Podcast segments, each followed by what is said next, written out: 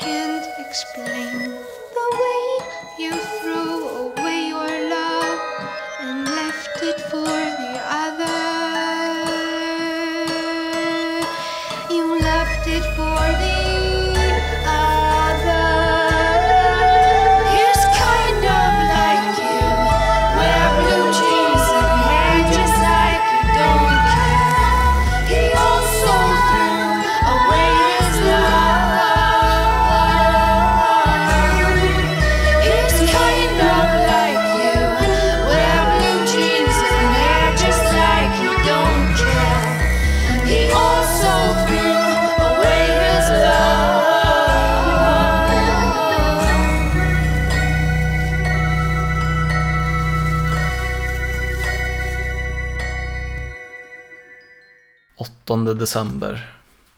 Hej, hur är läget nu? Jag är faktiskt på väg ut för att dela på Artillerigatan. Inget svar, jag skrev igen fem timmar senare. Delen som är ner mot vattnet vid Strandvägen typ, fast det kanske inte var där du hade bott. Delade faktiskt till prinsessan Madeleine. Kanske ingen Kalle Bildt, men lite coolt ändå. Den 9 december var dagen då jag till slut skulle dyka ner i mastodontskivan 69 Love Songs av Magnetic Fields.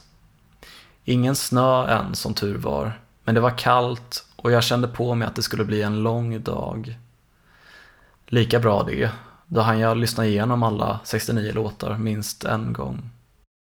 Jag laddade ner den via Panini Internationales gratis wifi i kontorshotellet Garnisonens lobby och skickade en skärmdump till Trampe som hade talat gott om plattan både i podd och privat. 114.41 som under sommaren då jag också hade väntat på svar från någon. Jag var inte stormförtjust i det området, men det fick gå. Det var mitt jobb. Jag blev ju ekonomiskt kompenserad för att göra saker jag inte tyckte om. Vad och vem låtarna på skivan påminde mig om behöver jag inte ens nämna. Det började bli pinsamt. Kom tillbaka från Manchester och kyss mig. Jag har börjat snusa. Men sorgen gick att hantera. Jag hade ju som sagt kommit fram till att dagen skulle komma då vi sågs igen. Även om vi aldrig mer skulle dela en kyss. Men det hade jag försonats med. Det fanns inga andra som henne. Men det kanske ändå fanns andra för mig. Och kanske var jag den rätta för någon av dessa kvinnor.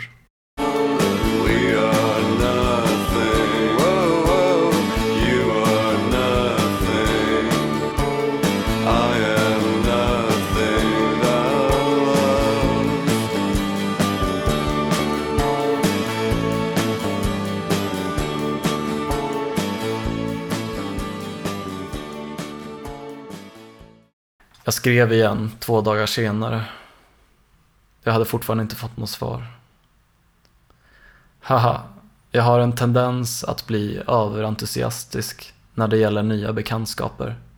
Ska inte skriva mer på ett bra tag. Men svara när eller om du har tid, ork, lust. Ta din tid. Jag ska nog ta en öl på något ställe ikväll. Haka på om du vill. Och hon svarade. Du, det är ingen fara. Blev överrumplad av så långa meddelanden från en så ny bekantskap som frågar om man vill formulera sitt tillstånd. Men jag uppskattar din omtanke. Läget är under kontroll, för närvarande i alla fall. Tanken är att jag ska hålla mig borta från barer ett tag, men tack för att du frågar. Det var, det var åt andra hållet jag bodde, på andra sidan Karlavägen. Jag hade varit och pratat med min samtalskontakt dagen innan och vi hade kommit fram till att jag kanske var lite gränslös som ställde så personliga och känsliga frågor och krav till en total främling. Så jag svarade, oj, haha, inser nu att det var lite konstigt. Har i och för sig fått höra vid ett annat tillfälle att jag ställer för personliga frågor första gången jag pratar med någon. Tror helt enkelt att jag själv har noll integritet och är skamlös när det kommer till att berätta sånt om mig själv. Så jag antar bara att andra är likadana. Var inte meningen att överrumpla? Mikaela svarade. Nej, jag förstår att det inte var meningen att överrumpla. Ville bara förklara varför jag inte har svarat. Jag har antagligen i motsats, i alla fall nyktert, hög integritet och är skamfylld, överdrivet menat. Jag svarade att det ändå är en fin egenskap och att mitt, min samtalskontakt stod på hennes sida. Sen bad jag henne lyssna på min podd.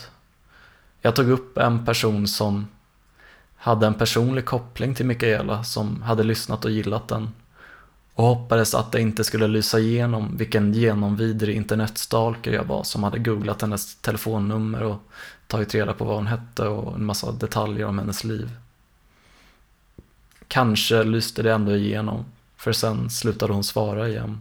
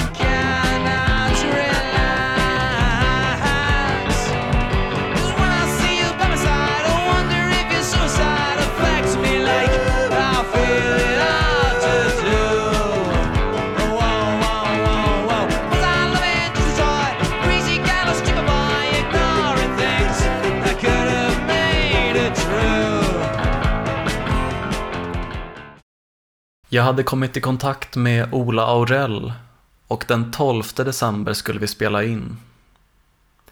Jag var inte jättepigg, men med mig hade jag mitt saving grace i form av två pulverfyllda vita kapslar Fenibut. En rysk medicin som jag hade upptäckt på gymnasiet någon gång. Den skulle vara ångestdämpande, stimulerande, öka den sociala förmågan, ge eufori och för somliga göra en kåtare. Preparatet utlovade mycket och var bara läkemedelsklassat, så det kunde på sin höjd bli beslagtaget i tullen men inte ge något straff. Som 16-åring hade jag beställt ett gäng sådana från Polen på Ebay. Men den enda gången jag hade tagit det, inför den eh, ångestalstrande aktiviteten att gå till ICA, skaka hand med butikschefen och lämna in mitt CV, hade jag inte känt någon effekt. Jag fick heller inte jobbet. Min mamma hade sen hittat en av kapslarna och i sin oro konfronterat mig, varpå jag hade påstått att det bara var koffein. Hon vädjade om att jag skulle köpa det på apoteket istället. Man vet aldrig vad vad man får när man beställer online sådär. Vad som hände med resterande kapslar har jag ingen aning om. Tror kanske jag gömde dem i en blå tröja med fickor och dragkedja men den verkar ha gått upp i tomma intet. Undrar om mamma verkligen trodde på mig den där gången. Eller om hon kanske hittade dem och slängde. Nu, nästan fem år senare, var det fortfarande en önskning som aldrig slog in att få uppleva det där jag bara hade läst om innan. Så när jag dagen innan inspelningen hade träffat en bekant som satt på en del Fenibut tvekade jag inte att byta till mig några mot den kvarvarande blå Xanax-kopian jag hade fått- av Danne.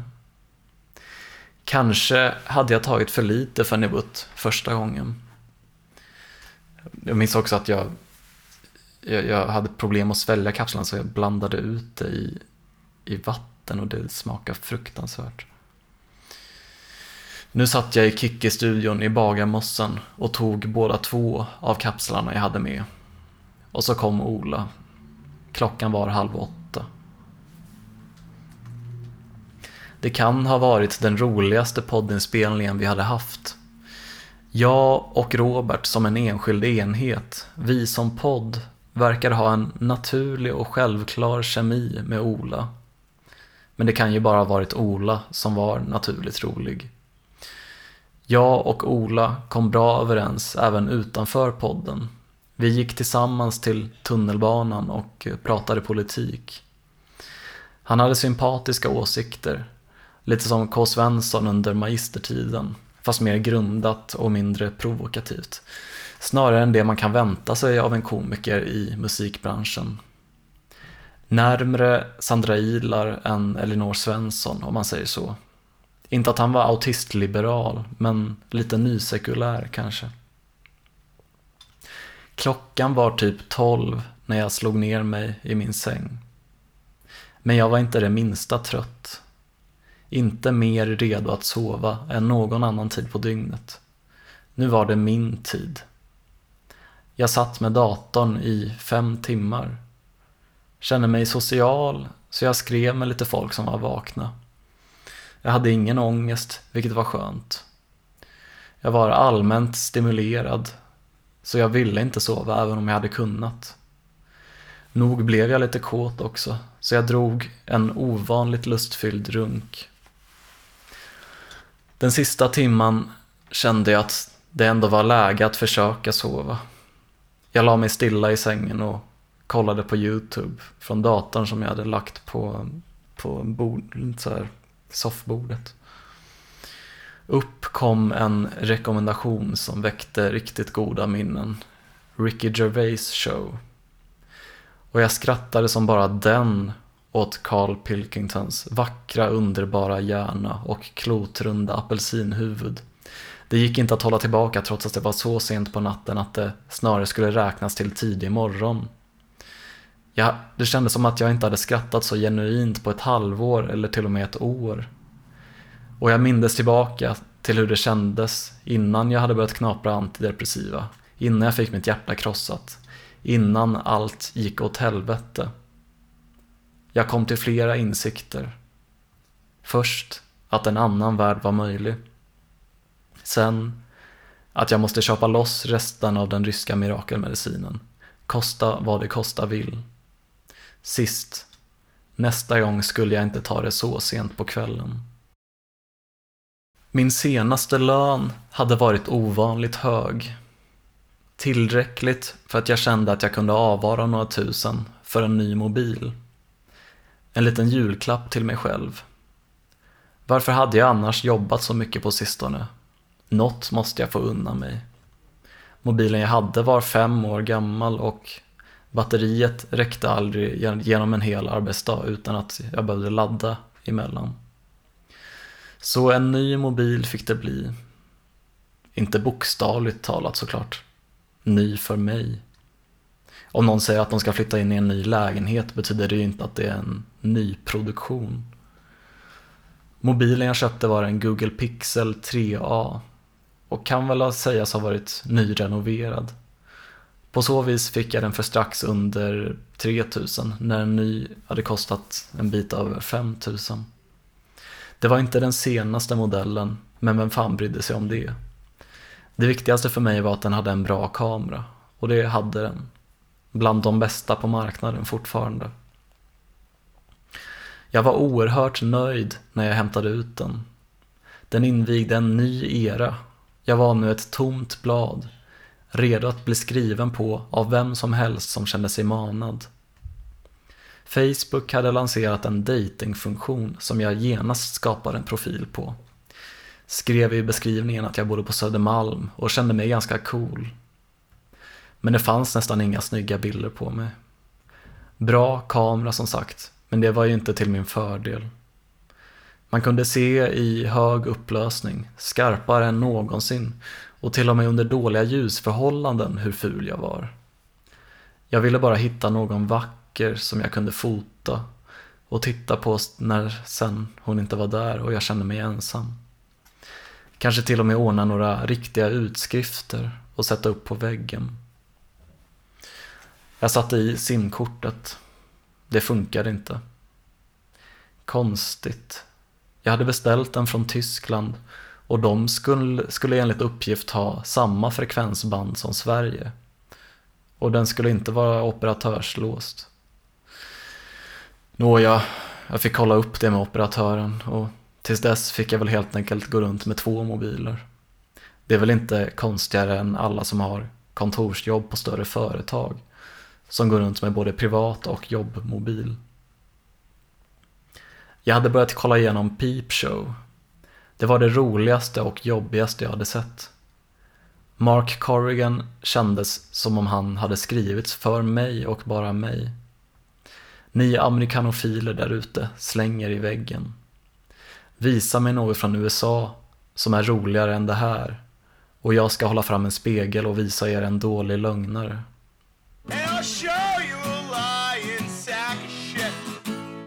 Poddtorka var det också. Hade lyssnat igenom alla Della-avsnitt med K och Jonathan, alla Crazy Town, alla Magister såklart, förutom avsnittet om fotboll. Radarparet var det för tidigt på säsongen för. Den lyssnade alltid igenom i vinterns slutskede, när jag längtade efter våren. Februaripodden lyssnade jag bara på när hjärtat mitt värkte. Specialisten hade jag slutat lyssna på och Arkivsamtal också. Förutom när K eller Adam Svanell eller David Liljemark var med. Tänk er då min lycka när jag upptäckte att det fanns en podd om Peep Show. Där de gick igenom och diskuterade varje avsnitt från varje säsong i sitt egna avsnitt i detalj. Jag var egentligen för feg för att våga kolla på Peep Show. Vissa avsnitt var väldigt smärtsamma. Nu fick jag två män från Peterborough i England som höll mig i handen. De första sex avsnitten var de första poddavsnitten jag laddade ner på den nya mobilen. Jag jobbade dagen innan julafton.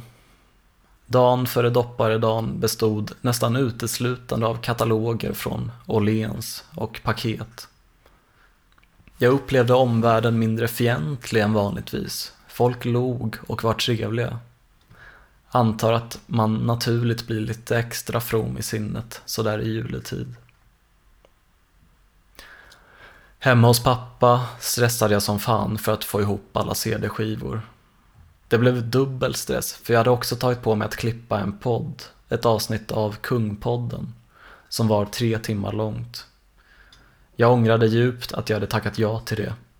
För det tog kanske sex timmar i anspråk och jag för mig att jag bara fick 300 spänn.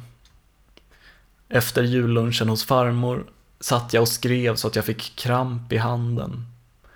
Kunde aldrig tänka mig att min kusin, att han ägde en CD-spelare. Men han skulle få en länk till skivan och han skulle få alla skivans texter skrivna för hand. Det var en mer unik gåva än någon av de andra hade fått. Det förtjänade han, ett sånt kanonerbjudande han hade givit mig tidigare under lunchen. Hans största intresse hade alltid varit fiske. Han hade åkt världen runt, lagt ner så extremt mycket tid och pengar på det och var därav något av en expert på området. Då och då skrev han artiklar till olika fiskemagasin. Men han kände sig ämnad för större och mer regelbundna saker. Han ville starta en podd och bad mig om råd om eh, utrustningen och hjälp med klippningen. Arbetet skulle givetvis vara avlönat. Jag såg framför mig en ljus framtid. Tänk eh, att något som hade med fiske att göra skulle bli min utväg ur slummen. Han hade pluggat ekonomi och business och jag hade inga problem att föreställa mig att han kunde fixa spons från någon fisketidning. Säg att jag kunde få 2000 kronor extra i månaden för att klippa. Det skulle göra en enorm skillnad. Nyår minns jag inte mycket av, förutom att mor kommenterade att mitt ena öga var väldigt rött. Så där som det kan se ut om man rökt enorma mängder cannabis. Jag hade inte tänkt på det själv. Jag hade ju svårt med ögonkontakt, även med mig själv i en spegel verkade det som. Men visst kliade det som fan nu när hon på, påpekade det. Jag googlade. Det kanske var sån pink eye som man sägs få om man pruttar på en kudde och sen sover på den. Hon bad mig söka vård. Jag sa att jag skulle vänta två veckor och om det inte hade gått över då skulle jag gå till vårdcentralen. Saga hade svarat på mitt meddelande, gott nytt år tillbaka. Bubbel, skål, fyrverkerier. Samma procedur som varje år. Och så hade det nya året 2021 plötsligt börjat.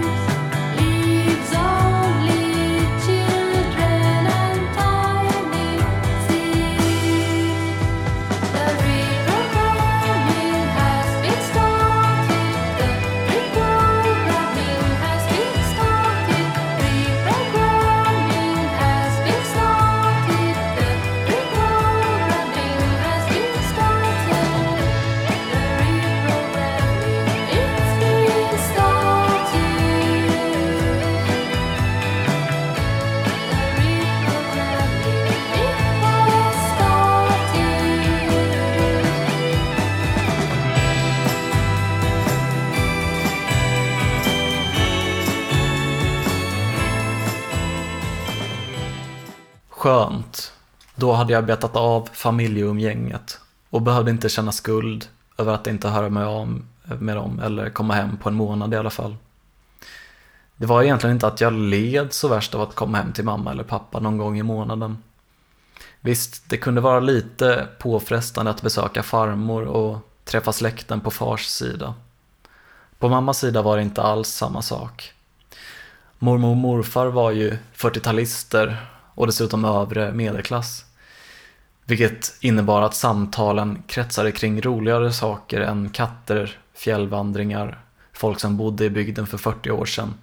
Eller att för femte gången jag skulle förklara var jag bodde och att det var Citymail och inte posten, eller ursäkta, Postnord jag jobbade på. Mormor och morfar var moderna, de levde i det nya millenniet. De hade internet och hängde med i alla brittiska krimserier på SVT Play. Morfar satt till och med och kollade på YouTube då och då. Överlag var det väldigt trevligt att sitta hos far och prata och dricka vin och folköl och turas om att spela upp låtar för varandra. Och avsluta kvällen med chips och en film som det oftast var jag som fick välja. Likaså att vara hos mamma och äta riktigt god mat med två och ett halvt glas vin för att sedan avlägsna mig till mitt rum. Fast det var några saker som drog ner helhetsupplevelsen och gjorde att jag aldrig själv föreslog en hemresa utan bara avstod från att säga nej när någon av dem frågade. För det första blev min sömnkvalitet alltid lidande. Hos mamma var sängen en hård skumgummimadrass och kuddarna var så dåliga att jag alltid vaknade med nackont. Pappa hade en mer gedigen resårmadrass men bristen på bäddmadrass gjorde att jag istället fick ont i ryggen. För det andra tog det mer än en och en halv timme att ta mig till Enhörna. Synd det, för det hade sina ekonomiska fördelar att äta upp mig ordentligt, så som jag gjorde, så som jag aldrig gjorde hemma. Och helt gratis dessutom. Jag hade inte längre något vidare socialt umgänge om helgerna ändå. Men jag hade haft podden att ordna med. Med en fas på hade haft. När jag kom hem till Skånegatan köpte jag ett sexpack Falcons julöl och spelade genast in en modern rocklåts sista avsnitt. 17,5 An attempt to tip the scales. Vips, jag var färdig. Jag kände att jag hade fått sagt det jag ville säga och jag var nog nöjd. Avsnittet släpptes vid midnatt och dagen efter hände något jag hade väntat på länge men givit upp hoppet om till slut. Det var tyvärr inte att en kvinnlig lyssnare tog upp mig på min kontaktannons och ville gå på en dejt. Nej, det var något som förmodligen skulle vara mycket bättre för mig i längden. Simon Gärdenfors undrade om jag ville vara med i Arkivsamtal. Dum fråga, men den var väl retoriskt menad. Vi bestämde ett datum, den 11 januari, cirka en vecka framåt i tiden. Vet fan hur jag skulle ha det tålamodet. Jag köpte en tetravin för att fira. Jag hade jobbat den dagen och var trött. Så det blev mer något att landa i snarare än partaj med kulörta lyktor och en serpentinkonfetti. Försökte höra mig av till eh, Diesel men han hade ju tjej nu.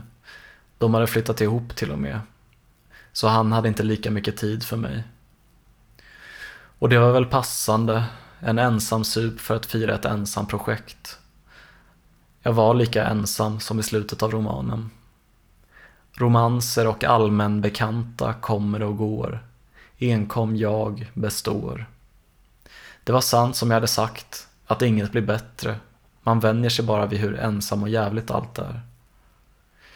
Nu hade jag till och med börjat vänja mig vid jobbet. Hurra. Jag satt och försökte skriva lite, men ja, sen blev det mest att jag bara låg i min säng och drack upp halva tetran och somnade omgående. Vet inte vad klockan var när jag vaknade. Tre på natten kanske. Jag gick vingligt till toaletten och kräktes upp ren och skär magsyra. Jag hade de senaste dagarna levt uteslutande på bröd med jordnötssmör. Men jag hade varit för utmattad för att bereda ens en sån blygsam måltid. Vilket torde vara förklaringen till att jag överhuvudtaget spydde. Och att jag inte längre hade någon alkoholtolerans. Men det var väl en bra sak. Det var i alla fall inte som de senaste två gångerna jag hade vaknat mitt i natten i alla fall. Då jag inte hade kunnat andas på vad som kändes som en halv minut. Vet inte vad det berodde på men det hände som tur var aldrig igen.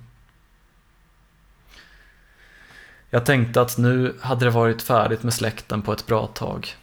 Jag tänkte att jag bara skulle jobba och jobba och stänga allt annat utanför. Men jobbet verkade klara sig bra utan mig. Det var så lite post så här efter jul. Företag hade semester och gjorde inte så många massutskick. Det förändrades den sjunde. Jag vaknade klockan nio till flera missade samtal. Jag tänkte att det var för sent men eh, ringde tillbaka ändå. Och jag behövdes tydligen fortfarande. Jag bredde upp två dubbelmackor och åkte in med tandborste och kräm i ryggsäcken. Någon var sjuk. Nej, han vabbade. Min kusin hade hört av sig också. Han undrade om vi kunde ta en öl på kvällen och prata om Fiskepodden. Jag svarade att visst, men jag kunde ännu inte säga när. Den jävla snön hade passat på att komma precis nu. Det skulle bli en jobbig dag. Det var Andreas område. Han hade tidigare varit fackligt säkerhetsombud, eller vad det nu hette. Men han hade varit föräldraledig långa perioder, så det hade han väl slutat med i samband med det. Jag visste att jag hade gått minst ett av hans områden förut, 11446, då när jag hörde Skators skiva År första gången. Jag hoppades att det här skulle vara lika nära och lika förhållandevis lätt att dela. Det var det inte. 114.18. Förvisso var två tredjedelar ungefär redan uppkammat, så jag behövde inte stå inne på kontoret särskilt länge. Men det var ett studentområde, borta vid Frescati, och där hade jag aldrig delat förut. Det var sanslöst att det ens tillhörde Östermalm postmässigt. Svårt, ja det var väldigt svårt och komplicerat att packa också. Jag klädde på mig ordentligt och gav mig ut. Och då insåg jag något förödande. Eftersom snön hade anlänt så hastigt och lustigt hade cyklarna inte ännu hunnit förses med vinterdäck. Jag var nära att halka ett tiotal gånger under den 40, 40 minuter, var det så långt verkligen? Ja. 40 minuter långa färdvägen till Lappkärrsberget. Det borde ha tagits typ halva den tiden men jag hittade på sin höjd till KTH. Därefter var det ett långt och smärtsamt trial and error. Vi hade ju, en, det var ju en karta i, i permen som vi har till varje område som jag hade med mig men, men jag är så dålig på kartor. Händerna värkte av kylan. Vid universitetets campus kollade jag upp resten av vägen på Google Maps, men jag ville inte slösa på batteriet. Mot slutet av rundan, efter att jag hade delat färdigt på Torphavsvägen, halkade jag till slut med cykeln. Jag visste inte hur jag skulle ta mig ner, för jag hade åkt upp på en enkelriktad väg. Hittade en alternativ väg ner, men den ledde bara till en trappa. Som tur var ledde jag bara cykeln, så själv slog jag mig inte, men det trillade ur en del post som blev blöt på den snötäckta marken.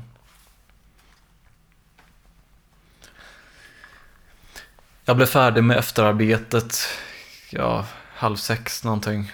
Och kunde sen ta mig till Söder och möta upp min kusin på No Name Bar någonstans efter sju. Det var jag som hade bestämt plats. Det var länge sedan senaste CB Comedy. Det gick väl inte ihop med pandemin. Min kusin bjöd på en öl och det var ju trevligt. Först avhandlade vi det vi på pappret hade setts för att diskutera. Han hade slängt ut några krokar och en av fisketidningarna hade nappat och visat intresse att bli sponsor. Underbart. Men vi var fortfarande ölsugna så vi fortsatte prata.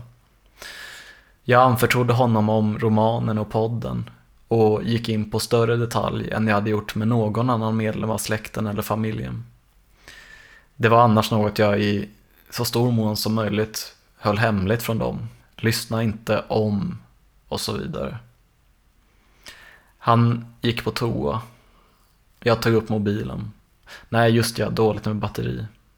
Såg mig om lite i lokalen istället. Se på fan.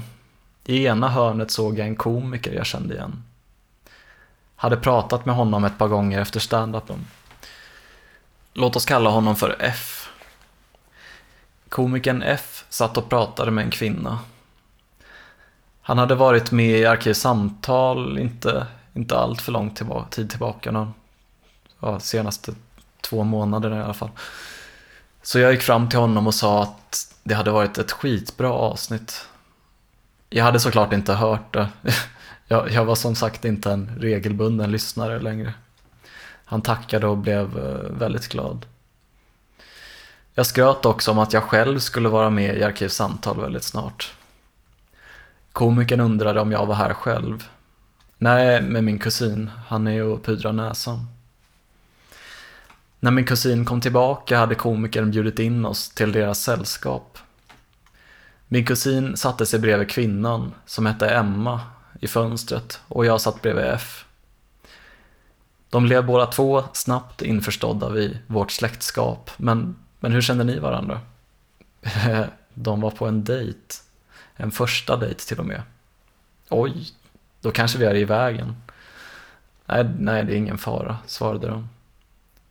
Det trevliga samtalet fortsatte. Klockan åtta drog min kusin hem. Jag berättade lite om vad jag sysslade med och varför jag skulle vara med i Simons podd. Jag tog upp Johannes Nilsson som en inspiration. F sa att just ja, det är han Simon blir så sur om man tar upp. Emma frågade om varför Simon blev sur.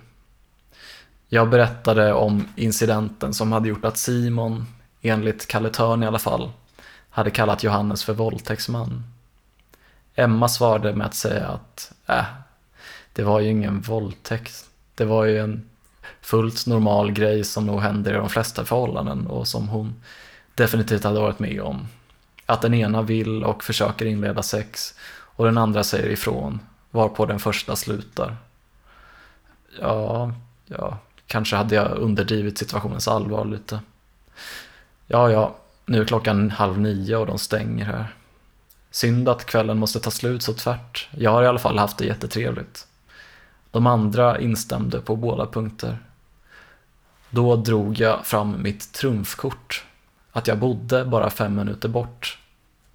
Så deras dejt förflyttade sig hem till mig. För jävla konstigt ändå. Komikern F stannade till på en tobaksaffär för att köpa snus. Jag frågade med stort intresse ut Emma om hennes liv. Hon bodde egentligen inte i Sverige utan i London, dit hon hade åkt för att ta ekonomistudierna i Göteborg till doktorsnivå. Vi stannade till på ICA Medis för att köpa folköl. Jag hittade snabbt till rätt hylla, rutinerad som jag var, och lät eftersläntarna vara eftersläntare för att inte sabotera deras intima dejt med att vara alltför nära inpå hela tiden. Själv köpte jag ett sexpack Carlsberg, men jag visste att jag inte skulle dricka upp hela.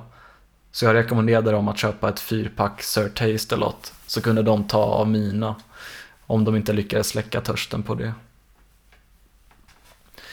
Vi gick vidare längs Götgatan och uppfylld av mitt nya specialintresse Peep Show frågade jag om någon av dem hade sett humorserien. F i roll som komiker och Emma som boende i England. Nej, dessvärre inte. Vi trängdes i hissen. Rent fysiskt stod jag komikern närmre än Emma, fastän jag hellre hade velat motsatsen. Kvinnligt sällskap var hårdvaluta och det var sällan jag hade en sån här organisk ingång. Om bara han hade blivit magsjuk eller något och hon ändå följt med mig hem. Vi satte oss på tv-soffan. Emma drog några suparminnen från Chalmers och något om en utstött kursare de hade haft något grupparbete med som var en riktig torrboll och som hon skämdes lite över att de hade varit elaka mot. Äh. Vi kom in på politik. Emma sa att hon hade pendlat fram och tillbaka mellan Folkpartiet och Moderaterna. Komikern utbrast alldeles för högljutt att Moderaterna? Men de är ju typ nazister. Både jag och Emma himlade med ögonen så högt att det nästan hördes. Komikern var väldigt rolig och trevlig och så, men han inte jätteintelligent. Och politiskt var han till och med mindre insatt än Simon G. Vi pratar vidare om politik. Jag förklarade min ståndpunkt och Emma avbröt mig och sa att det lät som jag hade lyssnat en del på Marcus och Malcolm. Och jag blev överlycklig när hon sa att hon också hade följt och slaviskt och hört alla avsnitt. Ännu mera när det visade sig att hon gillade Vasaflora och Fauna. Och jag fick skryta med att vi hade haft med Mattias Björkas i Musikens makt.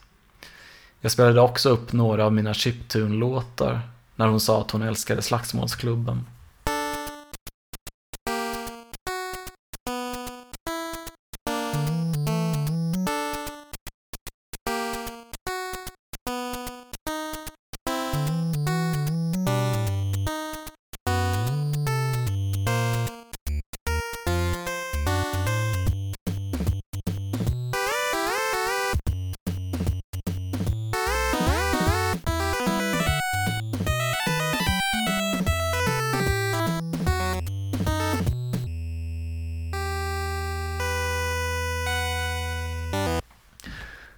Komikern kom då och då med ohövligt högljudda instick.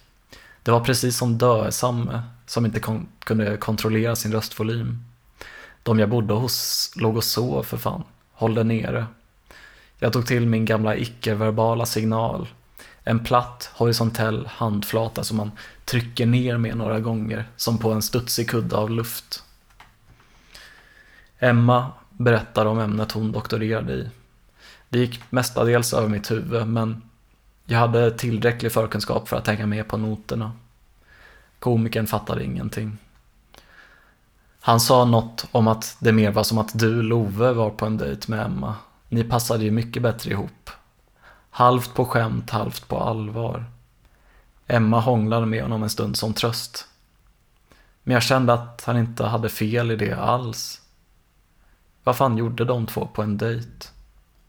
Opposites attract, så fan heller. De var på väg hem till honom. Synd, tänkte jag. Inte att de skulle dra, även om jag gärna hade dragit ut på kvällen ytterligare. utan för att hon skulle hem till honom just. Men det är väl så världen funkar. Bimbos får ligga mycket mer. Han var korkad men glad, något jag aldrig skulle kunna tävla med. Jag gick till köket och letade efter en papperslapp. Hittade en påse med tre chokladbollar och en lapp där det stod hembakat, ta gärna.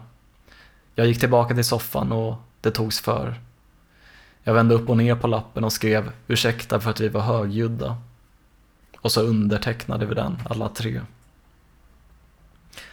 Det omaka paret lämnade lägenheten tillsammans. Det var en chokladboll kvar som Emma inte hade ätit eftersom det inte kunde garanteras att den var vegansk. Och när jag satt och åt den i min ensamhet kunde jag inte låta bli på att undra hur kvällen hade slutat om jag hade tagit komikerns plats. Jag var yr. Orsakerna var många. På med halsduken igen Runt om nacken klämmer till jag går i ide från och med. Idag är jag din bästa vän. På med kappan din igen. Den du köpte i butik. Second hand i Västervik. På med hand